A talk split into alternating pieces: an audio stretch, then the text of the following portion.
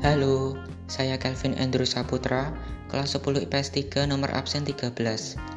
Di sini saya akan menjelaskan proyek informatika tentang pemformatan dari masing-masing bagian teks.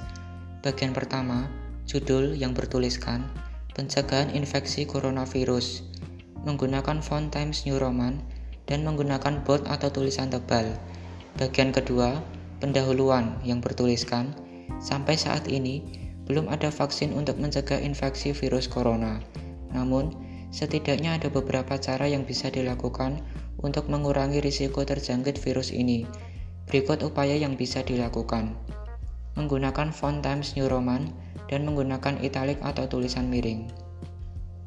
Bagian ketiga, inti yang bertuliskan 1. Sering-seringlah mencuci tangan dengan sabun dan air selama 20 detik hingga bersih. 2 Hindari menyentuh wajah, hidung atau mulut saat tangan dalam keadaan kotor atau belum dicuci. 3. Hindari kontak langsung atau berdekatan dengan orang yang sakit. 4. Hindari menyentuh hewan atau unggas liar. 5. Membersihkan dan mensterilkan permukaan benda yang sering digunakan. 6. Tutup hidung dan mulut ketika bersin atau batuk dengan tisu. Kemudian, buanglah tisu dan cuci tangan hingga bersih. 7. Jangan keluar rumah dalam keadaan sakit.